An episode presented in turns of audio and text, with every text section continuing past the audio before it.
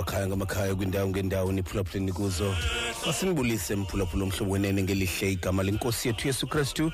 Igama lamna ndingumzuku sikafaleni. Xesha ke ngonje imizuzu isithoba ke ngoku ibethile intsimbi yesixhenxe um andami ndedwa ke njengesiqhelo ukhona udade wethu enkosi kakhulu ke mfundisi mandithathe lithuba nam ndibulise kumakhaya ngamakhaya kwiindawo zonke abaphulaphule bephulephule kuzo abaphulaphule bomhlobo wenye ne-fm kungatsho ke lokitsho bokwazi into okokubana sesifikile sizele into okokubana sivuselelane emphefumlweni siphakamisane sithandazisane sikhuthazane simthembe uthixo sibambisene.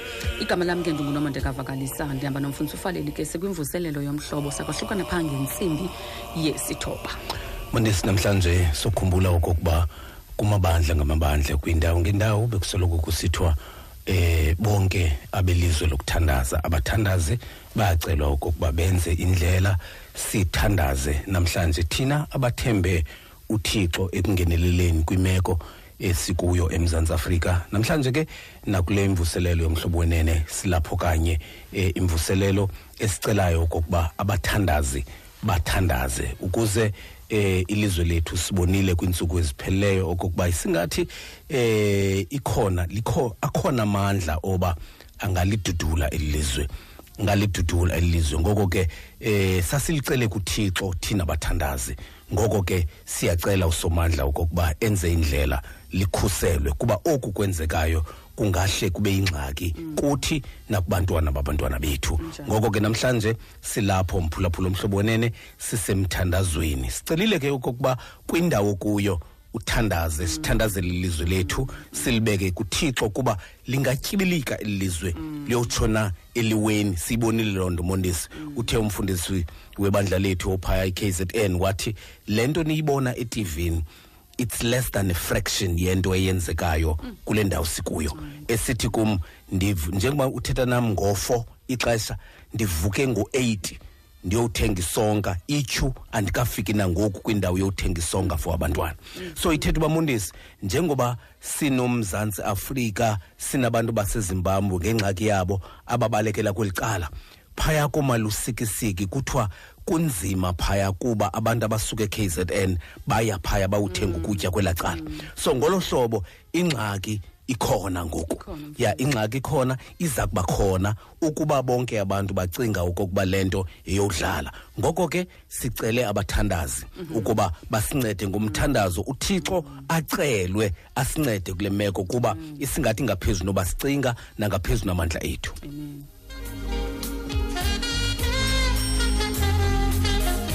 Ubundlobongela obuphenjelelwa sisini butshabalalisa ubomi bamawakawaka mihla le amaxesha amaninzi abo bazifumanisa bekobu bundlobongela abayazi ukuba bangakuphelisa njani ukuntlonkothiswa. Xa usazi amalungelo wakho ungazithethelela xa untlonkothiswa. Kwaye uyazi kakuhle nento mawuyenze xa ubu bundlobongelwa buphenjelelwa sisini busenzeka kuwe. Tyelela kuspa.co.za forward slash gbv ukwazi banzi ngamalungelo akho ubuyise amandla akho okutshintsha ubomi bakho benze ngcono. Masiphilise ubundlobongela obuphenjelelwa sisini kunye. Lo myalezo nowuphathelwa ngabakwaspa irotavirus inokuphatha umntwana ngamnye oneminyaka engaphantsi kwemihlanu. Inwenwa phakathi kwabantu imiphandle yezinto neethoyizi ezingcolisekileyo. Ukuqinisekisa ukuba kucocekile okukujikelezileyo akonelanga ukuyithintela. Xa zosulelwe iintsana zisengozini ephezulu yokugabha nokuhambisa oko okungenza zilaliswe esibhedlele.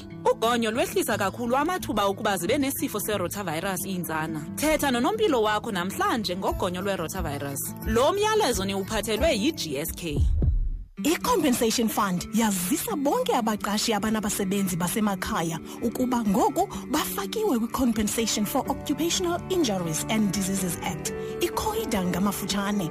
Oku kuthetha ukuba abasebenzi babo baza kuba nako ukufumana imbuyekezo xa bethe bonzakala okanye bosulelwa sisifo logama besemsebenzini.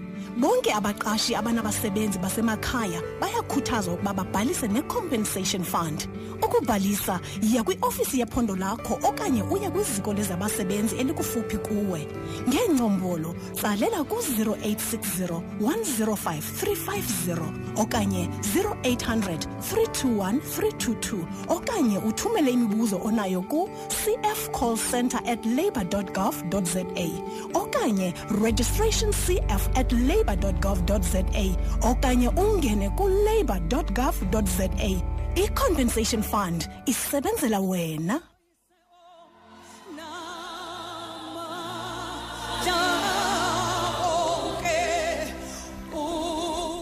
Mphulaphula umhlobo wenene singathi sinaye umfundisi udidi dondashe simbamba yena phaya ekapa asivulele ngomthandazo. Ukhona tidi ndikhona mangabisi kunjani ekhaya tata?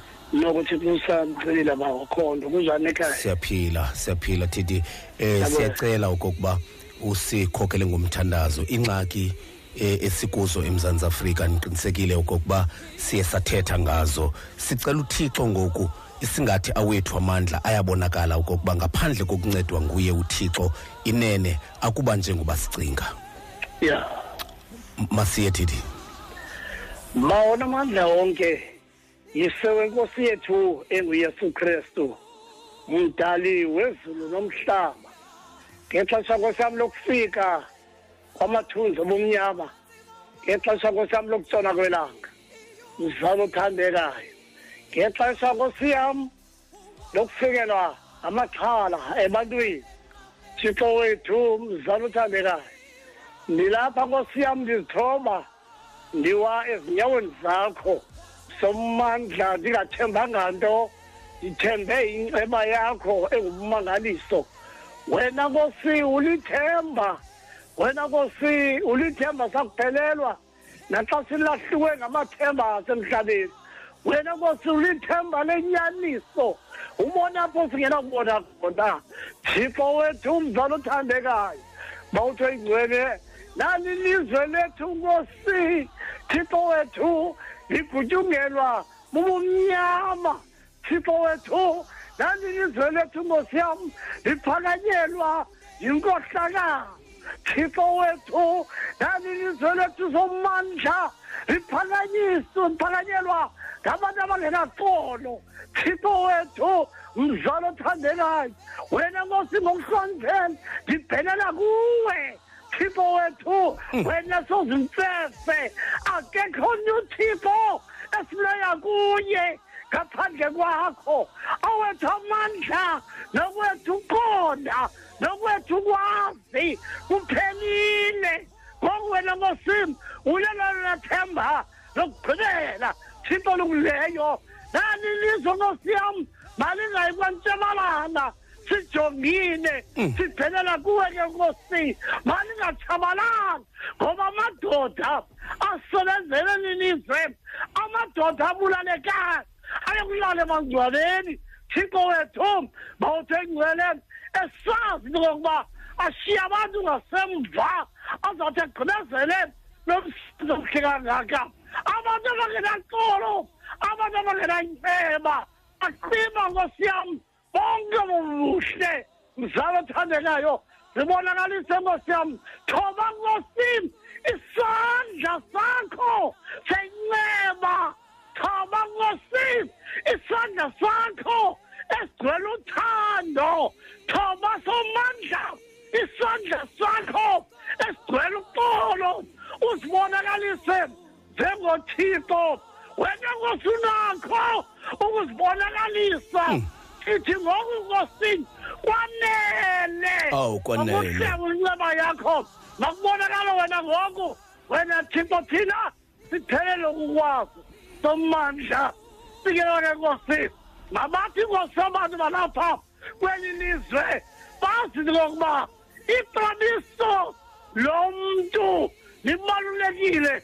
Phambi kobuso bakho thixo lukuleyo singabantu ababhubhileyo bebhubhe bengenatyala thixo wethu sikeleke bawo hlanga selizwe bakugcwala incaba yakho uqala namhlanje siyawanyathela siyawakhalimela amadimoni kamtshoni sithi kwanele usathana nkosi yam akanamandla akanagunya thixo wethu sizali wam othandekayo sibhenela kuwe ngokuhlonze sibhenela kuwe ngenkonzo yentobeko wena nkosi yam ndiyakwazi uba unakho ukwenza konke sikucelayo thixo wethu ufanele ukubongwa ngamaxesha onke ufanele ukudunyiswa thixo lukuleyo nasi nkosi enye into isenzeka ekapa kuphela uxolo ebantwini ndithi koonoteksi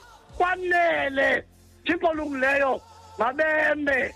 Bazi into yokuba ufa abantu abangenatyala kufa abantu abangenzanga nto thixo lungileyo sixake kuhamba sixake kukhwela iteksi ngoba kubi thixo lungileyo awu thixo lungileyo yintoni esingayenzanga ngubani nakosam esinokubhelela kuye? Ingenguwe sommandla. Thixo lungileyo bawutho ingcwele ndicinga nkosi yam ngexesha lethu ngexesha lokoluphala kwethu. Sibone izinto ngezinto.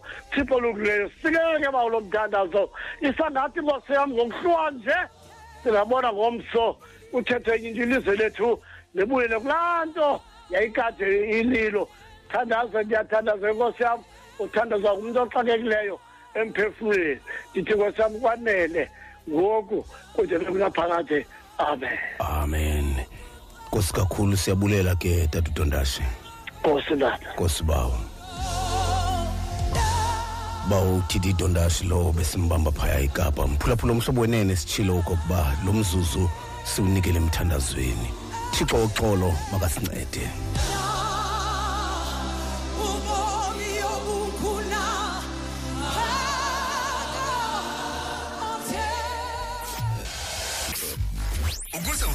Kwi-61000 yokubhiyozela iminyaka ye-61 yobuhlobo. Thumela i-sms ku-45858 kule sms ubhala hashtag umhlobo wenene uyakhathala. igama nefani nenombolo sazisi yakho.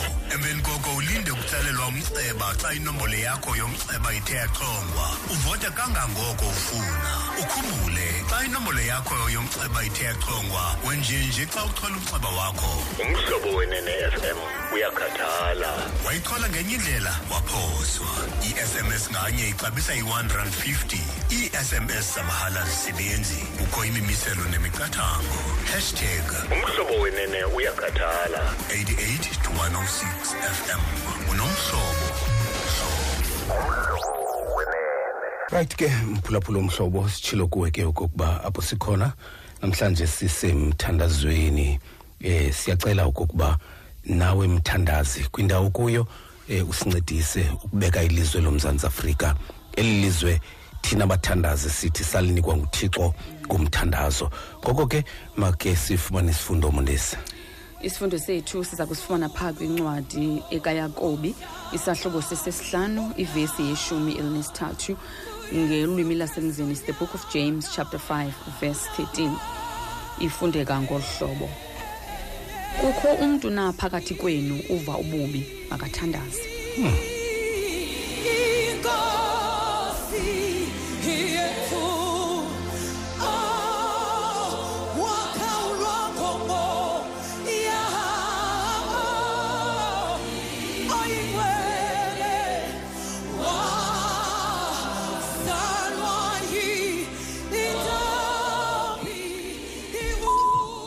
inkulu sinaye emnxebeni eh ubishop ugolidi eh ukhona bishop wam ndikhona ndikhona ndikhona mfundisi wam eh singathi kukho ingxolo ekhoyo ebusiphazamisa bishop wam ungakwazi ukuyicutha kweli cala lakho? Yes yes yes.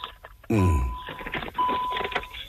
icotshile ba. Okay masiye ke bishop wam ma ndibulise kuwe mfundisi ufaleni molo bawo nakuwe sisinomonde vakalisa. Molweni tata ndingabashiyanga abaphulaphuli abahle bomhlobo wenene kulo lonke ili.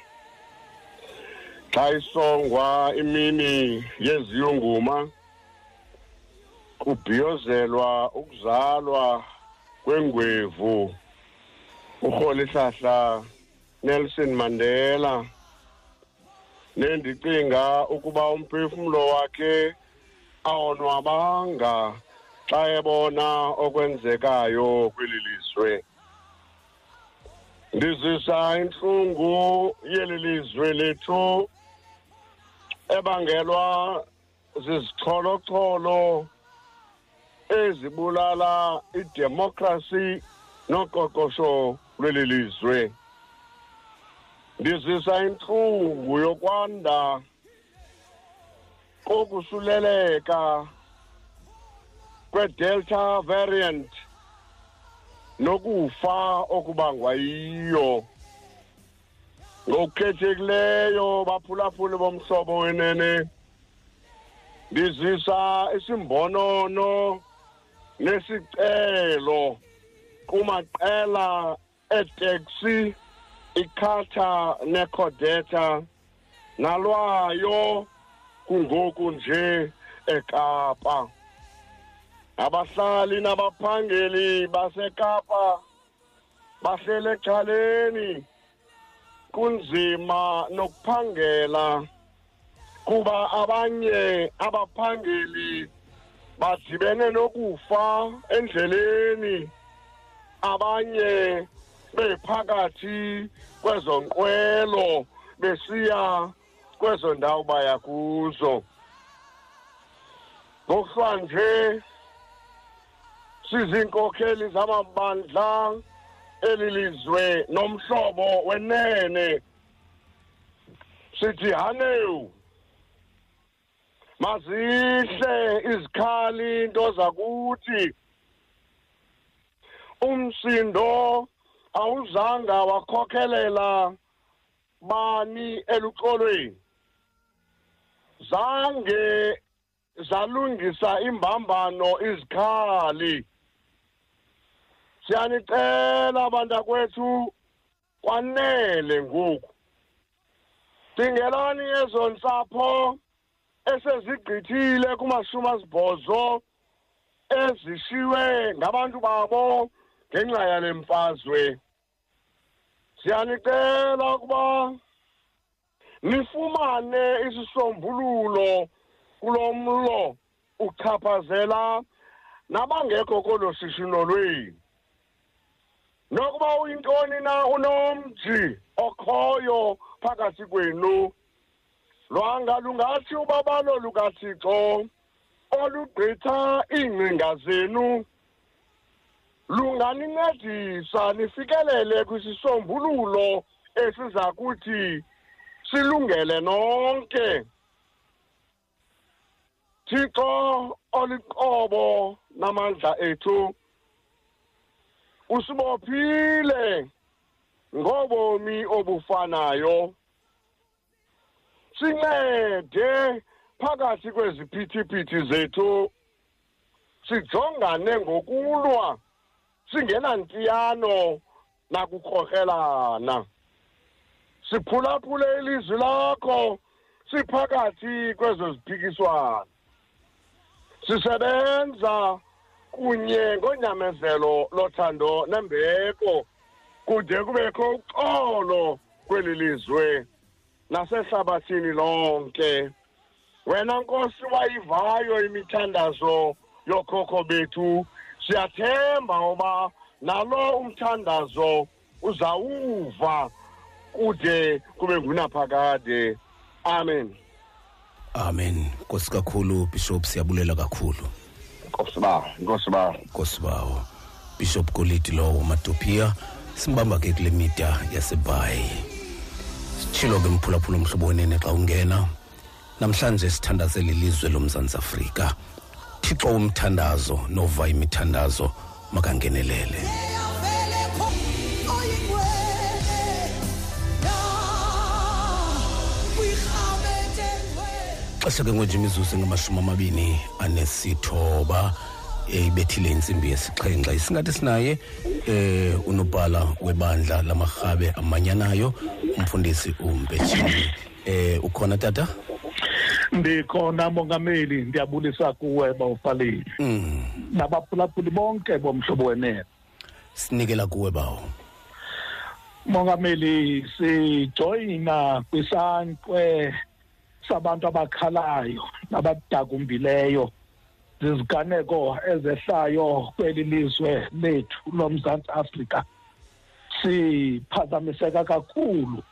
Ukubona into eyenzeka kweliya lentshona koloni idabi eliphakathi komntu omnyama nomntu omnyama idabi eliphakathi kwabantakwethu noodade wethu idabi eliphakathi kwamarhamente ethu.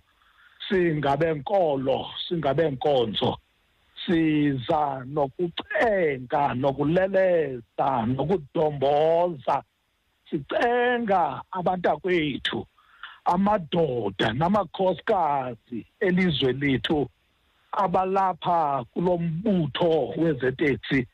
Sicela okokuba noko makhe siphinde sijonge okokuba kwenzeke ntoni. Kutheni na savuma okokuba kulwe umuntu omnyama nomuntu omnyama. Izinto eziqoka uqoqosho lwelizwe lakwethu. Kutheni na sivuma okokuba sizibone sesisenziwa intsaba ngenxa yesimo esisibona sesikuso? Siyacela bantakwethu siyacela siyaleleza masikhumbulelane lowo ulapho nomnye olapho beze apho bezokusebenzela iintsapho zabo izindlu zabo ukuze kusuke ikati eziko. Masibonisane kaloku njengendlu emnyama enesidima. Masibonisane njengabantu bomzantsi afrika abakhuliswe ngabantu abanesidima. Siyayicenga le nto siyayileleza sihlupheka kananjalo ziziganeko esizibonileyo zisenzeka. Esingazange sacinga ukuba zingaze zenzeke kweli lizwe lethu kusuka ku-1994 oba sibona sele kuthelekiswa umntu nomntu sidanile sidaniswa ukubona izinto zokuba kuxhokonxwe abantu kuthathwe izinto zabantu kulahleke imisebenzi kulahleke ubomi babantu kwindawo ngendawo. Ezi zinto noko mongameli nani baphulaphuli? Bomhlobo wenene. Nani bemi bomzantsi afrika. Siyanicenga bantakwethu ndizonicela ndimele abenkolo nabenkonzo okokuba siye emthandazweni sithandaza kuwe bawethu ingcwele egameni lenkosi yethu yesu kristu wasenazarethe sithandaza ngenxa yesimo esenzekayo kweli lizwe lakowethu lomzantsi afrika. Sihlangana kungalo mhla ilihlabathi lonke likhumbula olusuku lokuzalwa kukabawo umandela. Sicela amawaba namawasakazi elizwe lakwethu okokuba angakuvumeli ukohluleka kwabantu esibathembileyo okokuba bagcine ucwangco kwilizwe lakwethu. Ukuze ukwehluleka kwabo kuzokuphicanisa nathi. Sizathi conamandla sikhumbula abo baphulukene nobomi babo. Kwizixholoxholo thixo namandla neentsapho thixo namandla eziyintlizisayo ezinyembezana. Sicela thixo namandla okokuba mm. ube inkosi ube ngumsindisi. Sicela egameni lenkosi uyesu kristu wasenazarethe. Okokuba uvale thixo namandla kwicala elivulekileyo. Ekuthe kanti thixo namandla sijonganga kulo. Silibele kukutabhata sicinga ubana all is well. Kanti thixo namandla kukhona impehla thixo ingcwele ejikelezayo ebulala umzi womzantsi afrika. Sicela thixo namandla uba siphuthuma uxolo. Siyawukhumbula thixo namandla ubongo womfokatsoga ixhego tiyo ethi lawula lawula nkosi yethu koza ngawe ukonwaba ngoba ngeziphithiphithi zethu yonakele imihlaba. Acenge thixo namandla athi bona izwe lakowethu xolela izono zalo ungayithobi ingqumbo yakho zelufe usapho lwalo. Siyakucenga madida siyakucenga manqoba ngoba ke kho njengawe lezi zimo zonke ziyaziwa nguwe ziyabonwa nguwe. Lusikelele ke thixo namandla usapho lomzantsi afrika. Sikelela umongameli weli lizwe nabo aphethe nabo. Sikelela abaphetheyo kumaphondo nakoorhulumente bamakhaya ukuze thixo namandla usincede abo babeke esithebeni sokuba thixo namandla bajole izinto zeli lizwe. Bangaphathi icephe elikhulu xa begalela kwezabo izitya ukuze thixo namandla bacunce kwabanye bayabavimba abanye sincede thixo namandla buyisela isidima somntu usiphe uba siphakamise ubuntu sikwazi ubana sazi uba umntu ngumntu ngabantu. Kulungile thixo namandla kulungile ukuzimela ngawe thuthuzela kabanyembezana sikelela abo basezibhedlele bencina. Thixo namandla imizimba ityakatyiwe zimbumbulu nezinkempe nezikhali thixo namandla ukuze zingaphinde ezo mbumbulu zingene emntwini zingaphinde ezo zinkempe zityakatya inyama yomntu. Sebenza ke thixo namandla egameni nasegazini elenkosi yethu yesu kristu wasenazarethe ngoku kude bekunaphakade amen. Nkosibawo siyabulela kakhulu. Siyabulela mongameli. Mfundisi lo umpetsheni onguye ke unobhala webandla lama presbyterian church of southern africa uniting presbyterian church of southern africa simbamba ke naphaya kweliya lentudumo. Xa imizuzu ngamashumi mabini anesine phambi kwayo intsimbi yesibhozo siyiphake incwadi yethu isifundo sethu sanamhlanje kwincwadi ekayakobi isahluko sesesihlanu ivesi yeshumi elinesithathu the book of james chapter 5 verse 13 kukho umntu na phakathi kwenu uva ububi makathandaze? Siva ububi mondisi. Kakhulu ya ilizwe lomzantsi afrika liva ububi linentloni you know eli lizwe nomonde siyazidla ngalo.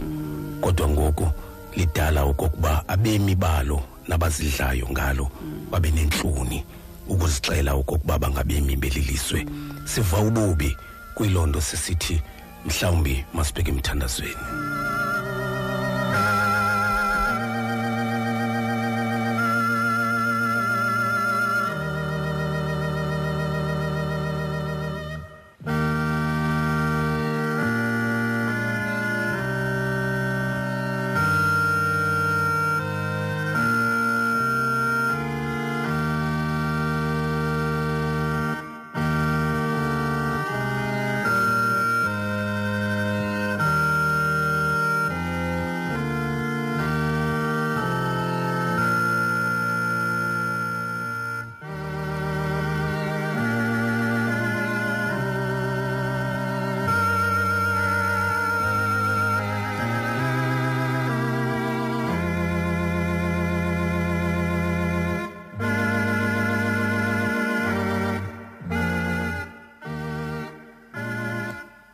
Anibulise mfundisi Faleni nosisi Nomonde kubaphulaphuli bonke bomhlobo wenene. Mna ndingumfundisi unentsikelelo Komani. Ndisondela kule nyewe iqhubeka eKapa ku noteksi obhuti bethu odada bethu omalume bethu otata omncinci bethu abazali bethu abasebenza bexelenga kula shishino ubomi bomntu buzele okanye buyenziwa ziimpazamo ngelinye ixesha ubani uyaphuma esiporweni okanye ashenxe embindini apho wonke ubani ebembukele khona enqwena efunda kuye. Kubakho ukudana nokuva okanye nokuvisa kabuhlungu. Ndisondela kwabawo nolutsha olushishina ngeteksi kwelasekapa. Eli shishini lisekwe lakhuliswa nini? Nema imizi nafundisa abantwana. Phantse onke amacebo okuphila ahamba ahambe abe neyantlukwana thabathani umzuzu phambi kokuba niye phambili. Nibuye umva niyokuhlola injongo yenu ngesi sixelengo okanye olu shishino. Lungisani nilungisana. Yakhani. Ezo bholorho zonxibelelwano zophukileyo. Nicoce umonakalo eniwenzileyo hlawumbi ngamazwi okanye eniwenze nangezenzo. Ngelinye ixesha xa nisebenza omnye uthi engamcingelanga omnye aphazamise okanye athethe into ekhubekisa omnye. Umfo oqashelwe ukupeyinta usoloko ecoca akugqiba ukupeyinta yonke indawo ebesebenza kuyo ufika sele eyicocile. Kanti owombane umntu ufika engazishiyanga ezaa ntambo zombane ukuze kunyathelwe phezu kwazo zonzakalisa abantwana nabantu ebebezihambela. Uyacoca kanti umuntu oxovayo ndimbukela rhoqo okokuba akayishiyi intlama il- ilele nje yonke indawo naselapha kuye emanqindini nasezityeni naphezu kwekhabhadi uyacoca. Lo msebenzi wenu obaluleke kangaka owenziwa ngabantu kubantu nabantu mawenziwe ngobuntu. Ukuba nakwazi ukuwuqala ningalwi. Ningawuphumeza ningalwi. Sithembe nina kwishishino lwabantu abamnyama abaziqalele lona kungekho kuncediswa nganto. Khumbula ezo ntsuku enaqala ngazo ebunzimeni. Kodwa namhlanje sibukela okokuba kukho nanye indlela enokuze kuphele umzuzu ungabonanga iiteksi zabalishumi zidlula. Kungenxa yamandla enu nengqondo yenu. Bobawo ningakwazi ukuyilungisa le nyewe yenzeni? Sinethembile. Kaloku amakhaya miwe nini iingxuba kaxaka emakhayeni ziconjululwa nini? Ningakwazi ukucombulula nezi. Masithandaze. Thixo wethu osemazulwini yise wenkosi yethu enguyesu kristu. Siza phambi kwetrone yakho engcwele nkosi. Siza ngoba singafuni kuqhiphuka mbilini ngokungathi usifulathele. Thixo wethu sisondele sisondeza abazali bethu ootata bethu abantakwethu abazifumana kudushe lweteksi ekapa. Abathixo ngabayeni ngootata ngoomama ngoobhuti babantu ngabahlali ngabemi belizwe. Bolule isandla so- sakho thixo wethu sokunene ubachukumise. Vuselela inhliziyo ezoyekayo ukwenza thixo wethu uku- ububi. Vuthisa ilahle lokuthando omnye komnye ngaphezu kokuthanda imali. Nezinto zeli lizwe baxhobise ngobulumko nangamazwi okubakha okuba ba- ukuba bakhe thixo wethu. Bakwazi uba bakhunjulwe ngawo kwixa elizayo baqhamise ubasikelele ngokukude kube kunaphakade amen. Tsho kakuhleke phaya uye umfundisi ukomani. Xa kunjalo mphulaphula omhlobonene ixesha ke ngonje imizuzu lishumi lesibhozo kubetha intsimbi yesibhozo. Sitshilo ke okokuba siyabacela ke abemi bomzantsi afrika basikhaphe ngomthandazo. Sisemthandazweni mphulaphula omhlo- om- omhlobonene ukuze ilizwe lethu lingatyibileki liyokutshona ezintabeni sikho. Make siphinde kwakhona sibheke emthandazweni. Igama lam ndingu-archbishop thabo makroba wamatshetshi. Nge nge ndisithi cry our beloved country olila mzantsi afrika. Izinto ezenzekileyo kule ntsuku ezidlulileyo kunzima ukuzithetha kwaye senge singenakho nokungathethi ngaso. Njengabantu abakholwayo sibuyela kwilizwi likathixo kusolomoni 2 chronicles chapter 7 verse 14 ilizwi elicela umngeni kusizwe.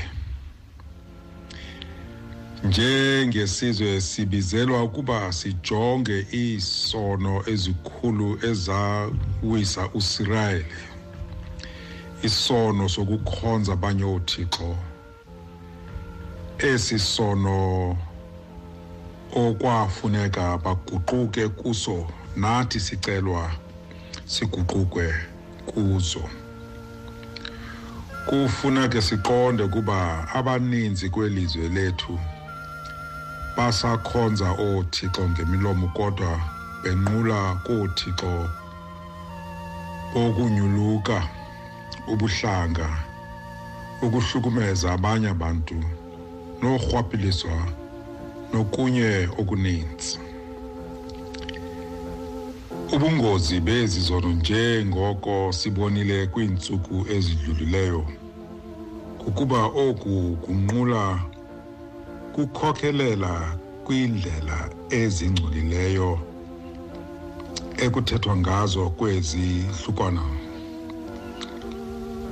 Izinto ezimbi zokuhlukumeza abantu abaswelayo.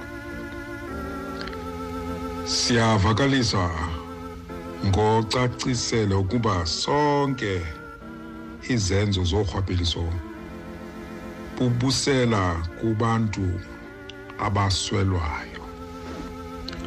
Koku bungozi kwindlela abantu abanamathuba ngenxa yebala. Kuba kuthobela phansi abaswelayo nentlalo enolungelelwano. So ndiyanicela ke bantu basemzantsi siyacelwa nguthixo athetha ndosolomoni masibeni ngoosolomoni sisonke ukuthi silahle oothixo abangasoze basiphumelelise siye phambili. Siyacelwa kule vesi efundwe today ukuthi ukuba ngenene sifuna ubuso bukathixo owethu umngeni kukufumana ubuso bukathixo kubantu abaswele abasweleyo. Nakwiindawo ekungelula ukufika kuzo. Siyacela torho apha ekapa abantu abaqhuba iiteksi neetaxi owners siyanithanda niyenza umsebenzi obalulekileyo. Uthixo uyasithanda sonke oh mayiphele eli dabi. Siyeni phambili kakhulu kule xesha le-covid-19 ninayo ii-answers bantu bakathixo. Masigqibeni le mfazwe ndithetha nani ngokuba umpostolo pawulos uthi fanele sithandazele abantu bonke kakhulu abasemagunyeni. Siphakamisa ukuthi nabo babe nomonde. Bangajongi iziqu zabo kodwa benze okulungileyo. Nakuni bantu bamateksi siyanicela torho. Mayiphele le mfazwe. Sininikezela kuthixo ukuthi uthixo athethe neziyazela zenu nokuthi konke okunokufunayo kuhlalwe phansi kuthethwe kugqitywe ngoku apha kuthi sonke masithandazele abaswelayo. Masithandazele ukuthi omnye nomnye apha eMzantsi Afrika abe nedini kwabaninzi nokuncedisa ukuthi indlala iphele. Masincedisaneni nalo rhulumente wethu. Lelizwe lethu kulula ukumosha kunzima ukulungisa. Ewe kunzima kunzima kubantu bakathixo. Kodwa siyabizwa sisonke ukuthi sithandaze. Ithi xa sigqiba uthanda siguquke ithi xa sigqiba uguquka sisebenzele yonke umzantsi afrika. So ndizawugqibezela ke ngokuthi inkosi isikelela iafrika bakhusele abantwana bayo baguqule abakhokheli bayo philisa uluntu lwayo buyisela isidima sayo uyiphe uxolo. Ngoyesu kristu inkosi yethu. Amen. Amen. Nale bantu bakathixo iza kuphela. Ningasebenziswi ngabantu bafuna ukuthi kumoshwe. Nani eninakhona? Please share with those that do not have as we transform our country. Amen. Amen. Siyabulela kakhulu kuye uarchbishop wamatshetshi eh ubawo uthabo mrhoba. Inkosi kakhulu sibulela kakhulu kuye mfundini nakanye ngokusizama kangaka eh ngolwimi ebesinokuliva sonke. Siyabulela siyaqonda kokuba ibe ngumgudu kakhulu kwenza kanjalo kodwa ngenxa uthando lwakhe ulumandla wenza kwabanjalo siyabulela kakhulu eh archbishop.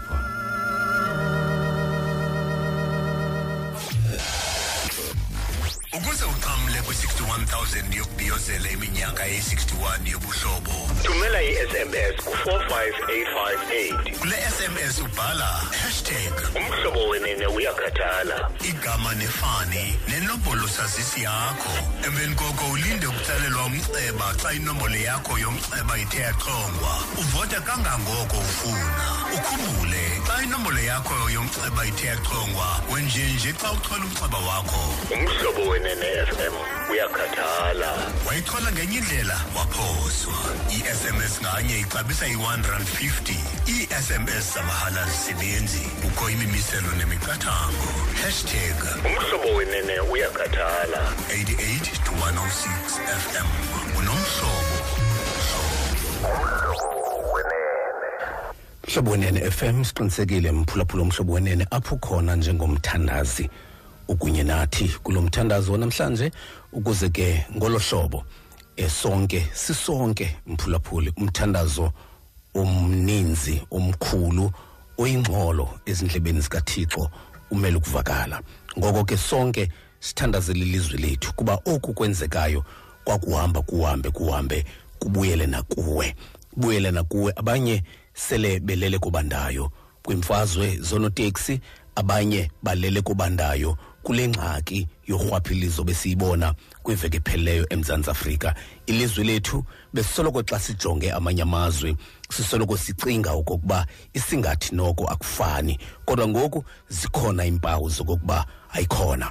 Ayikhona isingathi kuphele ukuzidla kuphele eh, uthando eh, eyona nto imbi mphulaphula omhlobo wenene eyona nto imbi kukukhawuleza kwenyawo ukuyokumosha omnye umntu ufana kunye nawe. Kuba abona abantu abamoshakelelweyo abaphelelwe yimisebenzi eso sonkana simbalwa umuntu ebesifumana kuloo ndawo ebekuyo namhlanje uhleli endlini usonga izandla akusekho songa kunjalo nje asizukubuya ngomso singazukubuya kungomso omnye singazukubuya mhlawumbi kulo nyaka mhlawumbi sesokugqibela eso songa ngoko ke ingxaki sikuyo iye yaphindaphindana kuyiloo nto sisithi mphulaphula omhlobo wenene ongumthandazi sincedise ekuthandazeni ukuze sithi ngale mini eh yokuzalwa kukaMandela eh utata wethu esamnikwa nguThixo njengesipho apha eMzantsi Afrika. Sitsho sonke ukuba samcela ke uThixo ngalamini makubonakale emva koko. Mandibulise kubaphathi bomhlobo wenene ndibulise kumfundisi ufaleni kunebamngqongileyo ndibulise nakubaphulaphuli bomhlobo wenene mna ndingubishop luphuwana webandla lamatopiya omzantsi afrika. Ndithi mandenze ilizwi namhlanje kwimeko esijongene nayo emzantsi afrika. Ndijonge imeko esiphila kuyo kuyaliwa phantsi phezulu. Ekapa oonoteksi bayalwa bayabulalana KZN eGauteng kubi kutshiswa amashishini kutshiswa into zabantu. Akukho xolo abantu bayafa. Ndithi ke ngoku masijongisaneni ma-afrika amnyama. Phaya kwincwadi yemizekeliso kasolomoni isahluko lishumi ivesi eyesithandathu mincwadi imizekeliso kasolomoni isahluko lishumi ivesi yesithandathu ifundeka ngolu hlobo ziintsikelelo entlokweni yelungisa ke wona umlomo wabangendawo ugubungela ugonyamelo eli lilizwi lenkosi inkosi masile fundo lizwi lwayo ngokude kwenaphale amen. Xa eqala usolomoni kwiivesi ezingaphambili uthi unyana olumkileyo uyamvuyisa uyise. Ke unyana osisiyatha osisenqana sonina. Sizwe simnyama maAfrika bazali apha uSolomon ulumkisa abantwana bakhe. Ekuphalazeni igazi elingenatyala ulumkisa abantwana bakhe ekwenzeni inkohlakalo. Ulumkisa abantwana bakhe ukuba bangabi nenhliziyo yomtyhuli. uSolomon aphinde abakhuthazele kwenzeni ubulungisa. Kuba ebulungiseni kukho inzuzo ebulungiseni zintsikelelo enhlokweni yelungisa. Ke wona umlomo wabangendawo ugubungela ugonyamelo sihlobo ezithandwa yinkosi kule meko sizibona sikuyo. Onoteksi ekapa kuphalaza igazi omnye omntu omnyama. Uvukelana nomnye umntu. Imfazwe iphalaza igazi elingenatyala ayaphi na amaqonga othethathethwano? Bayaphi na ootata bathi madoda masihlaleni phantsi sibonisaneni e-KZN naserhawuteni kushiyeke amabhodlo. Bayaphi na abantu abanesazela abantu abathi hayi hayi egameni lethu. Ma-afrika masiphuthumeni ubuntu mazipheliswe imfazwe masivumelane ke sithi no to looting. Ilizwe lelethu masingalichabalisi ngokwethu. Onoteksi basekapa mabahlale phansi babonisane kuthethathethwane kungade kuphalasa igazi elingenatyala masithandazeni thixo basomandla mnini wento zonke siyaza phambi kwakho thixo wethu ilizwe lakuthi. Siyawuceka thixo wethu vuselela izazila zethu siyawuceka thixo wethu bizo nyana thixo mokulunga ukuze balazi ilizwi lakho thixo. Wam phelisa thixo wam imfazwe ezikhoyo. Makulawula uxolo lwakho thixo dumokulunga kuba thixo wam uxolo luyinto eyakhayo imfazwe ziyachitha thixo dumokulunga suvuma ke thixo wethu umtyholi angenelele ebandleni angenelele ekuhlaleni kwethu angenelele kwelizwe loba omkhulu. Abantwana bethu thixo wethu xa siliphalaza ngokwethu siyabashiyela ntonina kuba thina siyakwazi kolatha sithi oku kwenziwa ngabazali bethu. Xa ithina singabazali sichitha ilizwe siyabashiyela abantwana bethu siyakucela ke thixo wethu lamla thixo wethu makulawula uxolo. Xolela izono zethu thixo wethu. Apho sithe saphazama khona sixolele. Apho sithe salungisa khona someleze thixo wethu. Siyakucela siyakuthandaza. Ngokude unaphade amen. Amen. Siyabulela kakhulu kuye ke ubishop uluphuwana wamatopia omzantsi afrika. Xa kunjalo ke eh masibheke ke ngunje ezindabeni. Sitshilo ke mphulaphula kokuba sincedise emthandazweni. Osinthembe wena mandingaze ndidaniswe tyarho lakho malihle phezu kwethu. Eh mphulaphula omhlobo wenene. Sitshilo ke kule mvuselelo namhlanje eh sicela wena okokuba usincedise emthandazweni. Sisemthandazweni sinethemba lokuba nawe uyathandaza kwelo cala ukulo. Eh sifundile ke isifundo besisifunda apha. Eh esithandazela phansi kwaso namhlanje. Ungasifundela kwakhona ke mondesi ukukhumbuza umphulaphuli phaa ekhaya. Sifundo sethu kwemfundisi sipha kwincwadi kayakobi sahluko sesesihlanu ivesi yeshumi elinesithathu the book of james chapter 5 verse 13 sifunde ngangolu hlobo. Kukho umntu na phakathi kwenu uva ububi? Akathandaze makathandaze. Sitshilo mphulaphula omhlobo wenene sisithi ilizwe lomzantsi afrika mm. gabalala liva ububi. Kuyiloo nto sisithi ke masiwe emthandazweni sonke.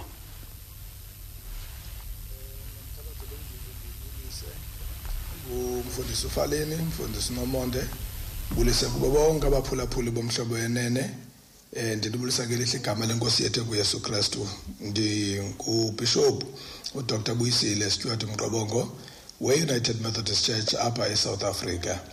Eh ndithabatha lo mzuzu noko ndisondela eh kubantu bakuthi kulamandla wase Western Cape eh kumlo wonoteksi nisithi noko nxe sihlobo zami eh masibekeni phansi isixhobo eh masinoko kufa abantu abangotata kufa ubrother bethu kufa abantu abazi-breadwinners emakhayeni. Noko makuziwe kwisithebe sothethathethwano kuhlale bansi siyayikhalimela le meko ngoba ayilunganga kwisizwe sabantu abantsundu. Eh mandidlule mfundisi wami ndikhawulezile kummandla wase-KZN. Kule meko yokuthathwa ngondluzula izinto zabantu eh ezivenkileni imisebenzi yabantu iyaphela noko lento ayikho nhle kakhulu sizwe sabantu abantsundu. Siyacela ukuba mayingenzeki. Eh noko kwanele kufa abantu ukwenakaliswa ilizwe libukele. Lithi ngabantu abanjani abantu base-south africa? Idemokhrasi yabo yidemokhrasi enjani? Noko siyacela mayingenzeki le nto.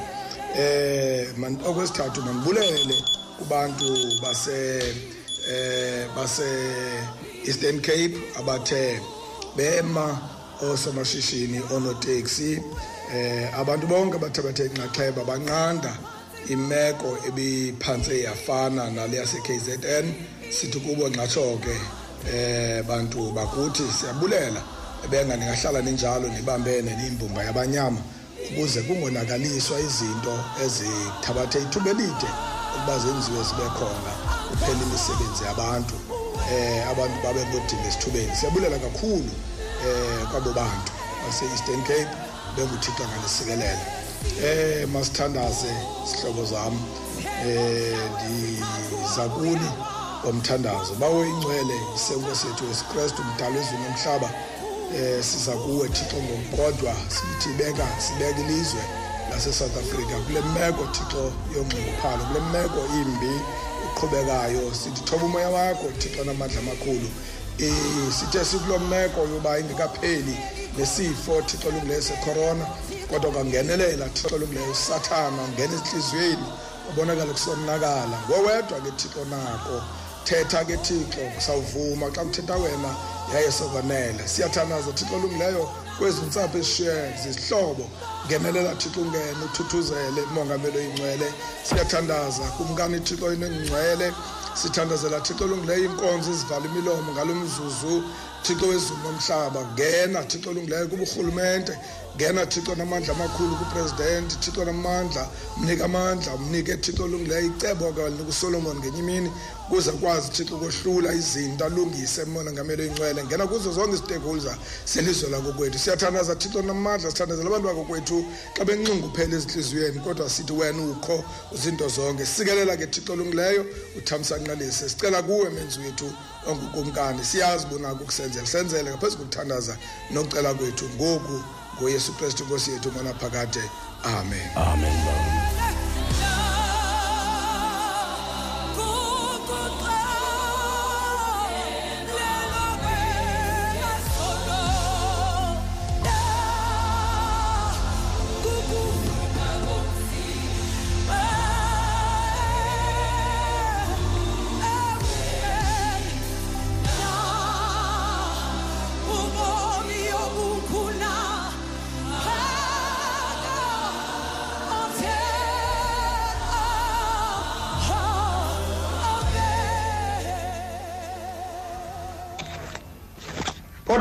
baphulaphuli bomhlobo wenene.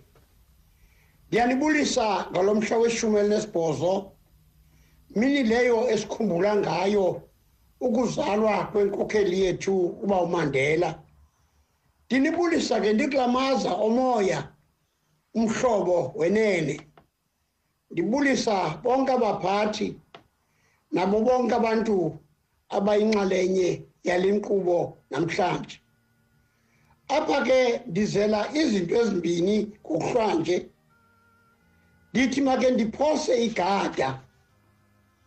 Sithi kwanele mzontsundu siyaqonda uba sikhona isizathu okanye unobangela okuba kuphalale igazi kangaka. Kufe ootata besemisebenzini kufe oomama bephangela. Kufe abantwana besiya ezikolweni ngenxa yokuba bengamaxhoba okungavisisani kwabantu ababini bezalana. Ewe inyaniso epheleleyo le ethi apho kukho umuntu khona ikhona ingxaki. Kodwa isisombululo sikwasebantwini abo amaxesha amaninzi. Thina madoda olushishino lwenu silibona njengenkokheli kwicala lezothutho. Siyanicela bantakwethu njengabantu abanoxanduva lokuthwala abantu nibase kwiindawo ezahlukahlukeneyo ukuba khe nihlale phantsi magorhako wethu. Kuthethwe kuboniswane ukuze lishishini elelenu kanye neniphila ngalo libheke phambili. Okwesibini siva ngosizi ngokweziganeko ezenzekileyo kwiveki eziphelileyo ezithe zasuba imiphefumlo yabantu abaninzi ngokungenalusini nalapho kuthe kwaphangwa amashishini amaninzi. Nto leyo eza kusishiya. Thina bantu abaninzi singenamisebenzi neza kulinyusa iqondo lendlala emakhayeni esele linyuke kakade nobuhlwempu sele bondele kakade kwilizwe lethu. Ndithi nxe mzontsundu makhe sivula amehlo bantu basemzantsi afrika makhe sisithobe isandla sengqumbo lesokulwa ke sihlale phansi sithethathethane siqeqeshane sixhasane kuba sisonga sethu esi lixesha lethu eli kwaye lilizwe lethu eli esidlakaza ngale ndlela sidlakazela ngalo. Sinqwenela uqolo madoda. Sinqwenela uqolo bantakwethu. Sinqwenela uqolo makhorhako wethu. Nemvisiswano kweli shishini lezothutho nakwilizwe lethu lasemzantsi afrika. Ndiyanibulela kakhulu ngokundimamela. Ngoku ke masivala amehlo sithandaze. Babo wethu engcwele yise wenkosi yethu enguyesu krestu siyabulela thixo ngale mini osinike yona. Sibulela kananjalo nangeli thuba usinike lona. Okoba nathi ke siphosa igazi da njengenkokhweli zakwalizwi sithi elizweni lethu make kuthotywa isandla ke kuhlalwe phantsi kuboniswane. Okwenzekileyo kwanele thixo wethu olungileyo. Asisanqweneli kubona ukuphalala kwegazi. Asanqweneli ukubona thixo wethu engcwele ukutshatyalazwa kweento zabantu. Abanye bebesaziqalela thixo wethu olungileyo. Siyathandaza ke thixo wethu engcwele. Sizibandakanya nomshumeli wamandulo thixo wethu othandekayo. Uba usoga xa isithi thixo bona izwe lakho wethu uxolele izono zalo.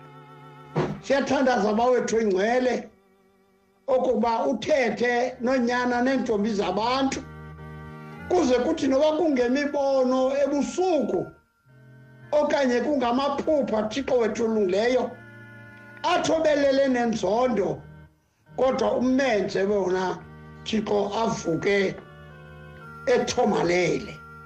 Ukuze ilizwe lethu elihle kangaka nenobutyebi bungaka sikwazi ukuliqhubela phambili. Nokuze ngenye imini nathi sixhamle kobu butyebi belilizwe esihlala kulo. Siyabulela bawo. Sinethemba lokuba uyawuvala imithandazo yethu uziphendule izicelo zethu. Siyathemba kananjalo thixo ngomoya yakho ingcwele uyakuthetha noonyana neentombi zabantu ukuze elowo thixo wethu olungileyo athi mna ndivuka namhlanje ngenjongo yokuya kuyakha ilizwe lam okanye ndifuna ukuyokwakha ishishini lam. Oku konke sikucela ndawonye nokuqoqolwa kwamatyala ethu ngayo inkosi yethu yesu kristu ehleli lawula kunye nawe thixo nomoya oyingcwele ngoku nangona phakade. Amen. Amen. Sibulela kakhulu ke phaya kuye umongameli uplatyi yena nguyi-uniting reformed church in southern africa.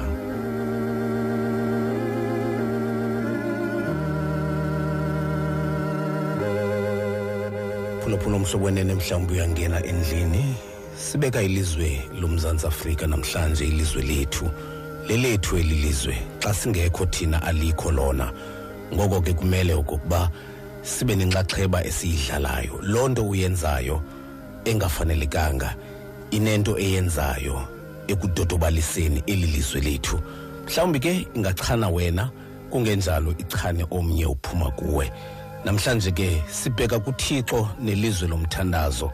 Nabo bakholelwa emthandazweni ukuthi siyacela okokuba ilizwe lethu siwabonile amazwe siwabonile amazwe kwelizwekazi leafrika. Sibabonile abantwana befinyela emlonyeni sizibonile izinto abantwana bebhubhuzelwa zimpukane. Siyibonile loo nto bekunga kungengabi njalo bekunga kungangabi njalo kweli lizwe lomzantsi afrika. Kodwa ukuba bekunjalo ebantwini kunganjalo nalapha kuthi.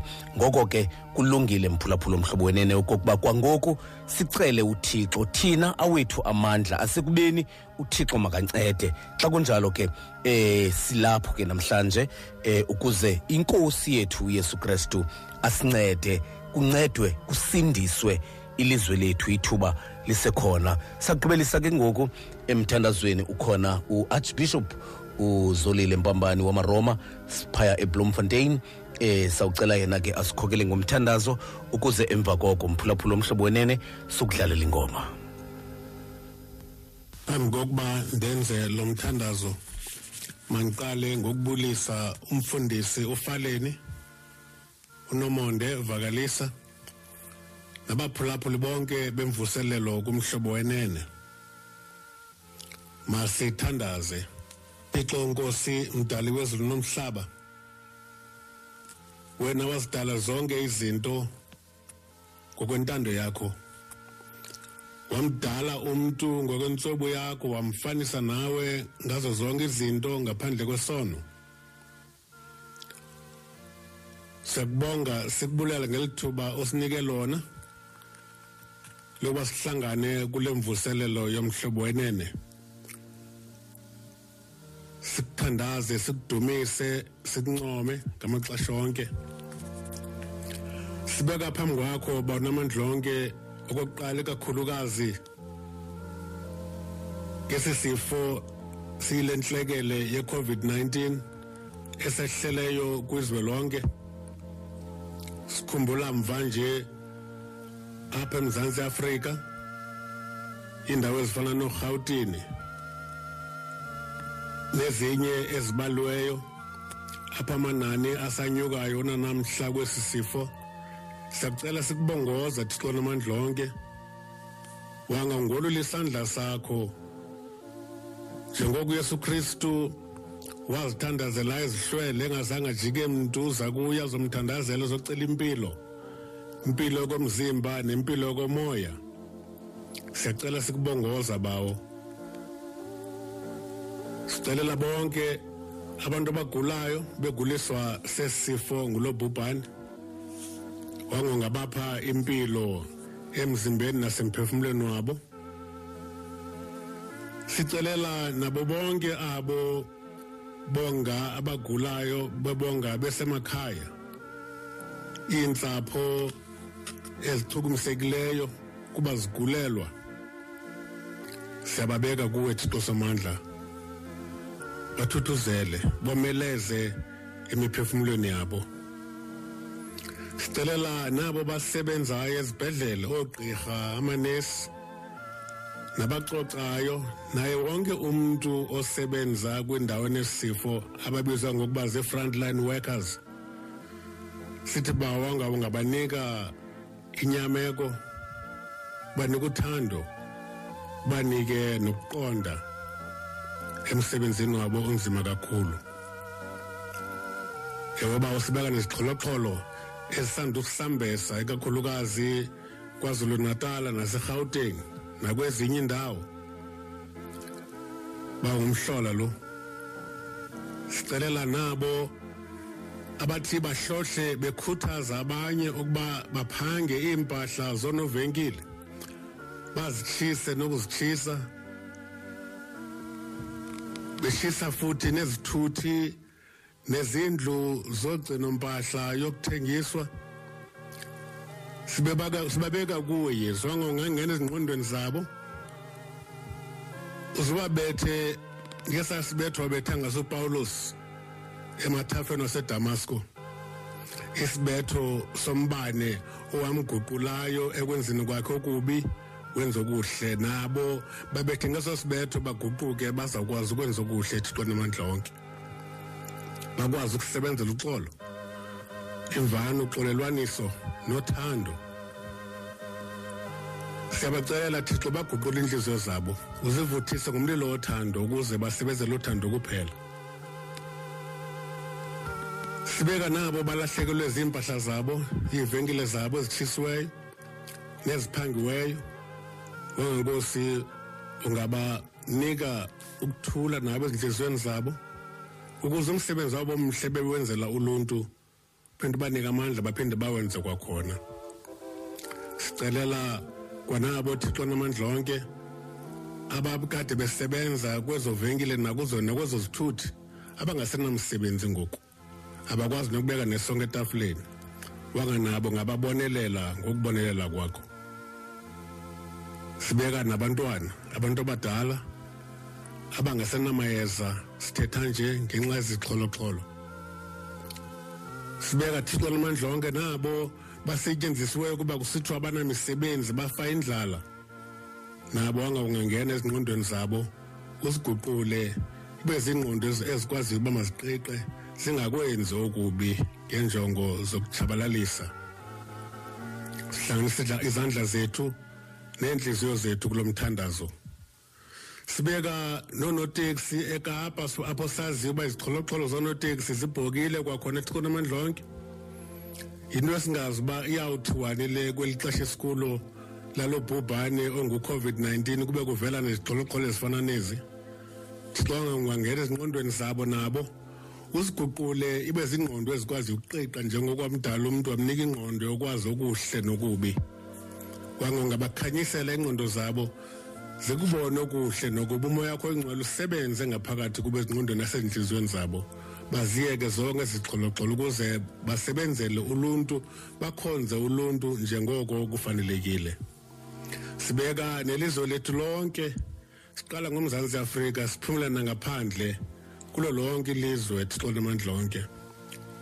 Kuyo yonke lento yenzekayo esingazi noba ngayenziwa yintoni ngoba kwezinye indawo kugcwele imfazwe kwezinye indawo kugcwele ukungavisisani. Nalapha emzantsi afrika nditsho kwanosoomapolitiki bethu abantu abasiphetheyo bayaphikisana abanye batsalela le abanye batsalela le. Siyacela ke thixo namandla onke wanga ungangena nabo ezingqondweni zabo ubanike iinhliziyo eziguqukileyo ukuze bakwazi ukusebenzela uluntu olubavoteleyo bawo lwababekwa kwezi ndawo bahleli kuzo. Sithi ke bona amadlongo ethi kunaphakade wanga ungasikhanyisela sonke. Khanyisele lokhu uluntu ngumekho engcwele abanye batsalela le siyacela ke thixo nomandlonke wanga ungangena nabo ezingqondweni zabo ubanike iintliziyo eziguqukileyo ukuze bakwazi ukusebenzela uluntu olwavoteleyo lwababekwa kwezi ndawo bahleli kuzo.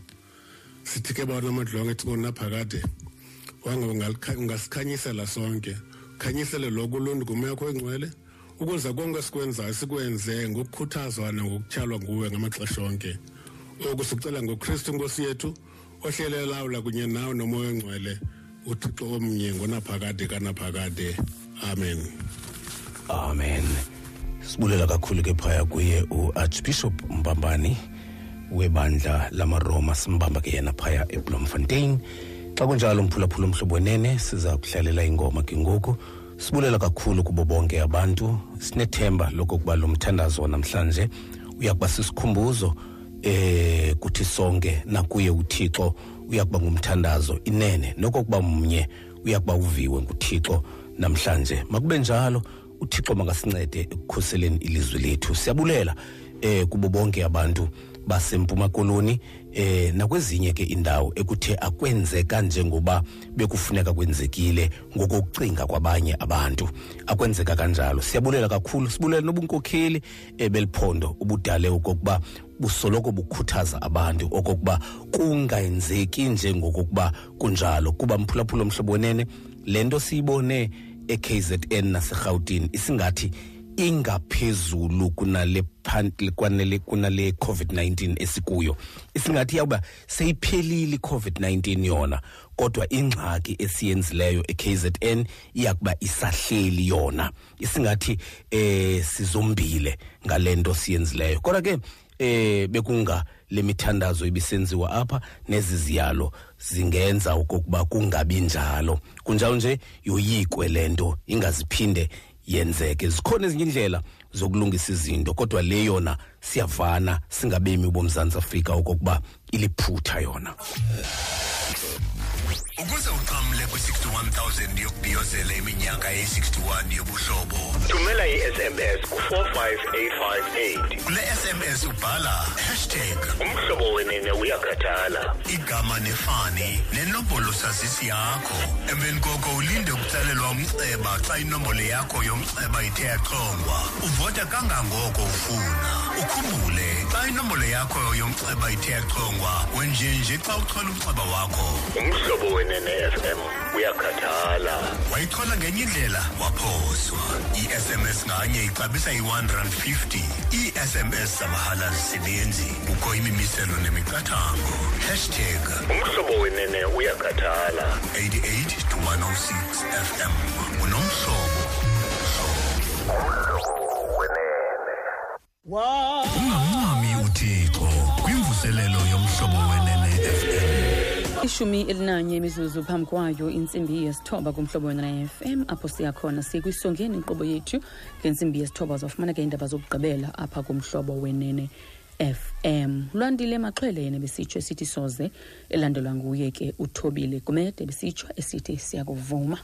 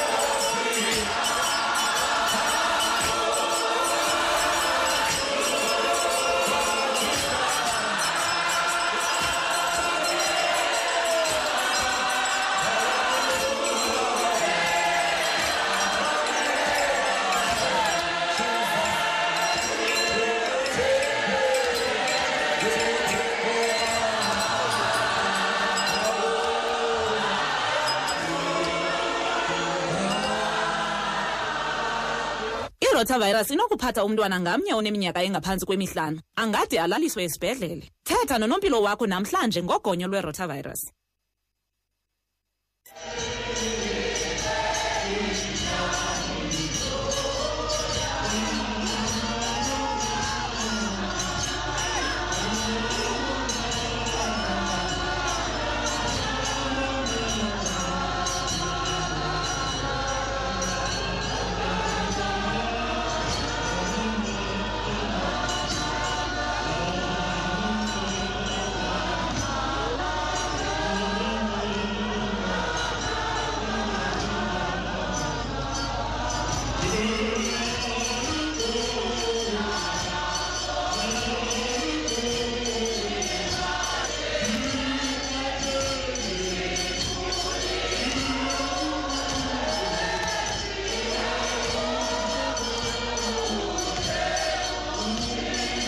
phulaphula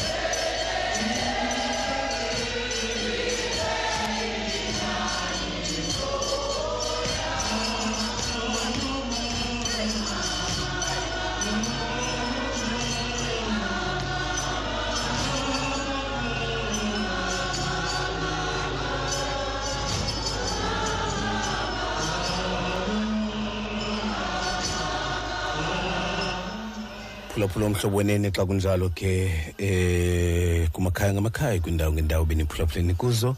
Thixo uxolo makaniphathe ngenceba nobumbele masithatha ufefe ke mondisi. Enkosi kakhulu ke mfundisi kukuhamba ke mphulaphulu oku ngeli xesha nje masamkele nje ufefe. Alwaba ufefe lenkosi yethu yesu kristu uthando lukathixo nobudlelwane bakhe ke umoya ongcwele bungahlala kuthi sonke ngokude benginaphakade. Amen. Amen.